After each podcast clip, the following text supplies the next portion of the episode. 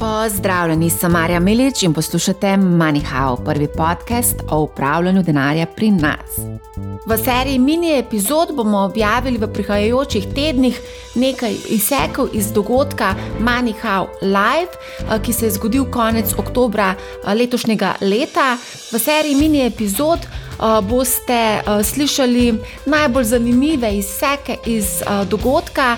Vsega žal ne moremo objaviti, dogodek je bil dolg dobre tri ure in pa tudi zelo veliko tematik smo obdelali, tako da bomo izpostavili 3-4 epizode, krajše 10, 15, 20 minutne, kjer bomo govorili o um, trenutnem stanju, o priložnostih. Na trgu, o tem, zakaj v bistvu hlastamo po vedno višjih Eh, donosih, donosnostih in višjih dobičkih, eh, ter seveda, kaj se dogaja na nepremičninskem trgu. Ob tej priložnosti bi seveda vas povabila tudi na nov dogodek MoneyHow Live, ki se bo zgodil naslednje leto in sicer 20. aprila, eh, spet v Kristalni palači. Število mest, kot je bilo tudi zdaj, bo tudi ponovno omejeno. Mislim, da sprejme največ 200 obiskovalcev, tako da vabljeni, da se nam pridružite. Na Discordu sem pa tudi že odprla debato ravno o tem dogodku, ker vas sprašujem, katere goste bi si želeli ponovno uh, slišati, videti, spoznati tako da vabljeni v to diskusijo. Tudi sicer vas vabim, da se nam pridružite v debatah na, v številnih kanalih na Discordu. Discord povezavo bomo objavili tudi v opisu epizode, prav tako tudi vabilo uh, na dogodek MoneyHow Live. Uh, nekaj popraševanja je bilo tudi vezano na prednovoletno investicijsko debato oziroma srečanje. Uh, tudi to bomo pripravili ob koncu uh, tega leta, tako da spremljate nas budno in seveda so priložnosti tudi vidimo. Želim vam prijetno poslušanje. Epizodo lahko poslušate na vseh večjih podcast platformah, prav tako pa si jo lahko pogledate na YouTube kanalu in pa krajše izseke na TikToku. Torej, prijetno poslušanje in gledanje. Lepo je videti obraze poslušalcev in gledalcev, tako da sem zelo vesela, da imamo danes priložnost se malce podružiti. Evo, stanje ni ravno najbolj rožnato, ampak prepričana sem, da je zelo veliko priložnosti in o tem se bomo danes tudi pogovarjali. Na odr vabim Dajmen Mrlak, izvoli, kar vse zraven mene, ja, seveda. Potem Blaž Hribar, član uprave pokojninske družbe A, Blaž, ste tudi že imeli večkrat priložnost slišati na podkastu, Andraž Brili njega ste že spoznali, evo in Andraž Graha. Tako da najlepša hvala vsem, da ste prišli na dogodek. Zelo sem vesela, da bomo danes lahko klepetali o priložnostih. Priložnosti je, po mojem mnenju, zelo, zelo veliko, kaj ne, Damjan? Ja. ja? Ti si Vedno. lovec na priložnosti, ti jih skozi sloviš. A jih ne? Sem gledal, priložnosti so vedno, priložnosti so kot raste, priložnosti so kot pada. Samo moraš se nekako zavedati realnosti, pa zavedati se um, trenutnega stanja. Kakšna je tvoja realnost trenutno? Ja, Kje zdaj, si zdaj z denarjem? Kako si investiral svoj denar zdaj? Osnovni temelj je, mislim, da je to se treba zavedati, da zdaj se ta več kot desetletni eksperiment MMT-a, Modern Money, um, pač uh, Monetary Theory po mojem, nekako zdaj zaključuje in dosta slabo. Ne? Jaz sem trenutno bolj, uh, bolj na, na strani, čeprav malo še, še vedno igram to igro. No. Um, nisem pa nikjer investiran, tako da bi rekel, zdaj pa imam to delnico ali pa zdaj imam ta indeks ali pa ta ETF, to nimam. Samo aktivno, ker zdaj velika volatilnost je idealna za aktivno trgovanje. In ko je volatilnost velika, se da pač veliko narediti na, na aktivnem trgovanju. Zdaj, če bo recimo market sideways eno leto, dve leti, tri leta, marsikdo pa s tem bi se lahko mogoče tudi strinjal, vsi noben to ne ve. Ampak čisto verjetno je, da bo mogoče market še deset let tukaj, kjer je danes. Andraš Grahek, da od ravno od Včeraj ali predvčerajšnjem sem brala izjavo enega upravljalca premoženja, ki je rekel, da je ravno zdaj to obdobje uh, najboljša priložnost tega desetletja, da greš uh, investirati na borzo. Kako bi ti to komentiral? Je res to super priložnost zdaj, zdaj, zdaj? Ja, jaz bom tako rekel. Ta upravljalec, verjetno zadnjih deset let na trgu, pa je prvič videl resno korekcijo, kaj bo drugega rekel. da se malo pohecam. Um, zagotovo je prišlo do popravka tveganih naložb, trg je na nek način, če zdaj gledamo za nazaj, vse informacije. Danes, recimo, je prišla tudi neka prva informacija glede gospodarske rasti v ZDA in glede na to, kam se premikajo obrestne mere, že seveda delno vračunajo neko upočasnevanje gospodarstva.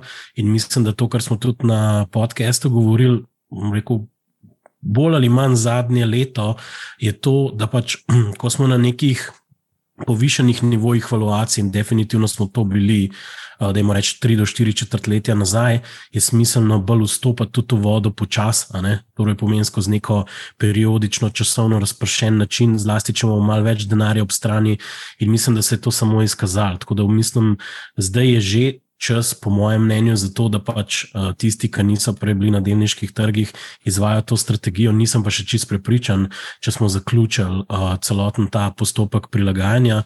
Uh, zaradi tega, ker jaz na nek način gledam malo na obdobje pred korono, pa kako smo takrat razmišljali. Takrat smo bili že na obdobju, ki smo se nekako pripravljali na normalizacijo obrestnih mer, pa je prišla korona in zdaj vemo vsi, da so bili ukrepi over the top in da so distorzijo naredili na, po mojem mnenju, bolj ali manj vsem, vseh človeku poznanih trgih, tako finančnih kot blagovnih. Ne? In zdaj smo v postopku, ko preko uh, counter-steeringa celotne te politike, ne? ki nas nažalost je pripeljala do tega, da so centralne banke zaradi strahu, da jim bo štvoli ušle izpod nadzora, šle v to smer, v katero grejo zdaj. In pač enostavno morajo videti dovolj dokazov za to, da se inflacija umirja a, in tok časa bojo nadaljevali. Zdaj pa seveda, ko pa pride neka mogoč indikacija, da je neko upočasnjevanje, da so neke šibkosti, recimo sploh nepremičninski trg bil izjemno slab v tej kvartalni objavi, jaz sem šel malo drobove to gledati. Mogoče so tukaj že neke uh, inštance, da rekel, čez kakšno leto lahko pričakujemo, ali pa tudi že prej, v bistvu, upočasnjevanje tempa, neki, na nek način to, kar je Blaž omenil, ta, to mehčanje retorike, v bistvu je nekaj, na kar bodo trgi pozorni in zaradi tega se tudi mogoče najdel neko podporo na teh ravneh ne, in nekako uh, je prišlo do nekega mečkega ukrevanja zale ali pa so mečkega zadiha v zadnjih, ne vem, dva, tri tedne. Um, zdaj se da super istočnico tudi za Andraža Brilija, da bo mal povedal o nepremičninskem trgu. Se res kaj dogaja tukaj, mislim, da se zdi, da cene, dobro, zdaj se dogaja stagnacija, ne, stabilizacija. Mislim, na nepremičninskem trgu se v bistvu kaj dosti zaenkrat trenutno še ne dogaja, razen to, da so mediji polni uh, naslovnic o padcu nepremičninskega trga, kdaj se bo trg obrnil, kdaj lahko pričakujemo padec. Um, V bistvu zadnji... In kdaj lahko pričakujemo padec, ta zdaj radi bi odgovor? Ker, ker uh, vsi bi to v bistvu, nekateri tisti, ki čakajo na priložnosti, da bi naredili neke nakupe, ne se tega srčno želijo, ne tisti, ki so ravno kar kupili, se tega seveda ne, ne želijo. Zdaj, če pogledamo, kot je Andraš rekel, uh, nepremičninske družbe, ki kotirajo na, na borzah, uh, so tiste, ki so prve odreagirale in so tudi kar v veliki meri zelo negativno odreagirale, ampak to ne kaže v bistvu stanja na samem nepremičninskem trgu. Uh, zadnji podatki, ki smo jih dobili včeraj zjutraj za slovenski nepremičninski trg, kažejo, da se praktično kaj dosti ni zgodilo. Hodimo po nekem vrhu, ki se je sicer začel uh, ustavljati in, in ravnati. Eh, ni pa še nekih jasnih znakov, da bi se lahko uh, karkoli uh, zgodilo. Je res, da uh, se to pričakuje z, uh, z dvigom obrestnih mer, ne, da se bo ta bazen kupcev, ki so bili na našem zelo slab, slabo likvidnem trgu, uh, začel zmanjševati, kar je tudi res. Ampak uh, če pogledamo neke primerjalne analize um, iz preteklosti, kaj pravzaprav povzroči najprej dvig obrestnih mer, ne, ne povzroči najprej paca nepremičninskega trga, ampak povzroči predvsem uh, zmanjšano rast. Ne, in to se nam v bistvu že nekaj časa dogaja. Tudi, kot smo prej rekli, ne, pred korono ne, smo govorili o tem, da bi se lahko nekaj zgoditi, in takrat se je tudi delno rast upočasnila s korono in z temi um, ukrepi je ta trg dubo velik zalet in še dodatno uh, rast. Tako da trenutno ne moramo reči, da se na nepremičninskem trgu kaj drastičnega dogaja. Je pa res, da če bo dvig obrestnih mer pripeljal posledično tudi do, do recesije, zmanjšane zaposlenosti, izguba služb, um, zmanjšane blagostanja in presežne likvidnosti, pa presežnih sredstev na računu prebivalstva, se bo pač začelo uh, manjše popraševanje in šele potem, ko se začnejo kopičati neke zaloge, ki jih pa na našem nepremičninskem trgu praktično v tem trenutku uh, ni, bi to lahko pomenilo neke večje premike. Ne. Uh, jaz vedno pravim, uh, cegle je zelo težko uh, premakniti potem v neko, ne, v neko ne, drugo smer. In te premiki so ponovadi zelo stopničasti, ob mehki likvidnosti na našem trgu se to zelo težko hitro pozna, da se nekaj dogaja. Če pa pogledamo um, tuje trge, ne, ki, so, ki so bolj likvidni, recimo Ameriko, tam pa so že znaki, ne, da, se, da se trg ohlaja, tudi so že vidni neki v bistvu manjše stopne rasti, je pa ameriški trg bistveno drugačen, bolj drugačen kot je slovenski. Blaž, želiš kaj dodati? Ne?